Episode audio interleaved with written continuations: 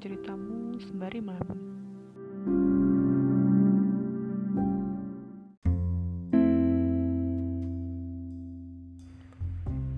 Lintang laju motormu. Di pinggiran kasur, mulai kuutak-atik layar ponselku. Sambil senyum-senyum, aku baca-baca kembali cat kita yang tak sadar sudah berdebu. Beberapa emotikon yang pernah kau kirim membuatku geli dengan tanda waru besar berwarna merah. Kamu bilang, ya ampun besar sekali. Aku pun tertawa tanpa kamu sadari. Rupanya aku sudah jatuh hati. Sambil menunggu kedatanganmu kemari, sesuai janjimu kemarin sore lewat WhatsApp. kamu akan ke Malang pada tanggal 3 Januari. Kau tahu? Tanganku sangat dingin dan gemetar ketika membalas pesanmu saat itu. Aku senang. Ternyata orangnya adalah kamu. Orang yang tak pernah terbesit dalam malam-malamku yang penuh halusinasi.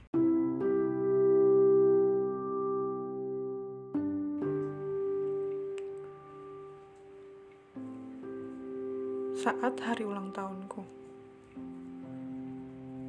Tepat saat itu, aku tak ingin bilang padamu. Pikirku, aku hanya akan merepotkanmu bila aku mengatakannya. Tapi nyatanya, sakit saat teman-temanku dan orang lain tak ada yang mengingatnya dan satu-satunya harapanku hanyalah ucapan selamat ulang tahun darimu. Tanpa pikir panjang, saat itu dengan malu-malu, aku beranikan diri untuk mengetik kembali permintaan yang tidak mungkin terjadi. Karena sebelumnya kau bilang akan pergi bersama teman-temanmu Kau tahu hari ini hari apa? Tanyaku.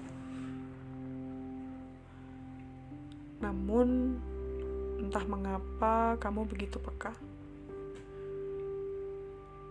Dan kamu ketik beberapa kalimat yang hingga kini masih kuberi tanda bintang.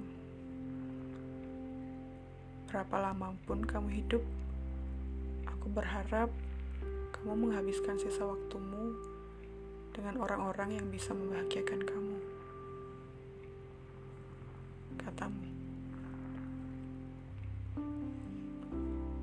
Setiap hari selama berbulan-bulan, kita dihujani rasa rindu.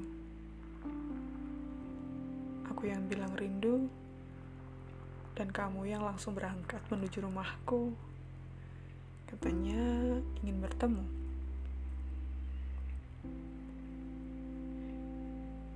yang ditempuh selama beberapa menit, hampir satu jam, dengan motor lamamu yang berwarna biru.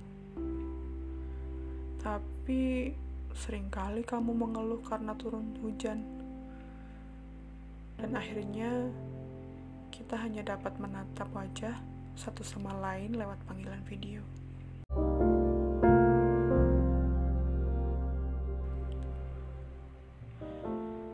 hingga waktu kamu harus kembali ke tempatmu. Di tempat yang aku tak pernah mengunjunginya. Yang kau bilang suatu saat akan menjadi tempatku juga. Aku menangis saat itu. Saat malam sebelum kamu pamit agar segera kembali ke sini. Semalaman kamu memujukku dan aku hanya manyun dengan dahi yang mengerut. Lama sekali. Aku segera balik. Gak apa-apa ya. Kata-katamu. Aku pun mulai sedikit menyeringai, membayangkan saat nanti kamu kembali. Aku hanya khawatir tentang rumah yang sudah kubangun tinggi untukmu pulang. Pada akhirnya harus sepi lagi. Karena itu aku menangis. Sebuah ketakutan yang bisa saja terjadi.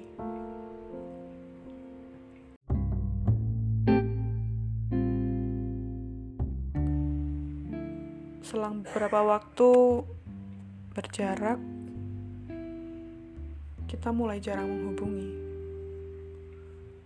Kamu yang sibuk di tempatmu, dan aku yang dilahap ego untuk mengambarimu dulu. Dan tak diduga, sampailah kita diksi pisah. Karena apa?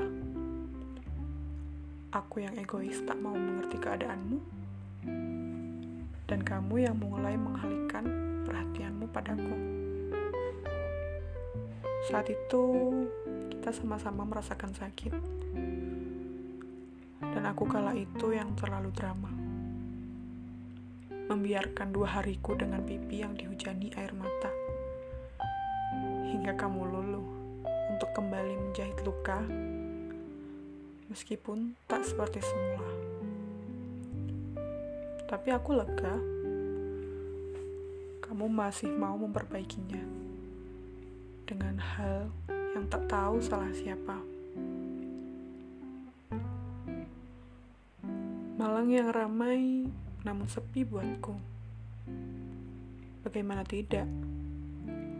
Aku yang dulu bebas mendengar guyonan recehmu, sekarang harus sendiri sambil mendengar lagu-lagu yang pernah kamu putar untukku saat itu. Memang, Malang mungkin tak menyadari kamu pergi. Tapi aku yang sedang duduk di situ berperang membunuh rasa rindu.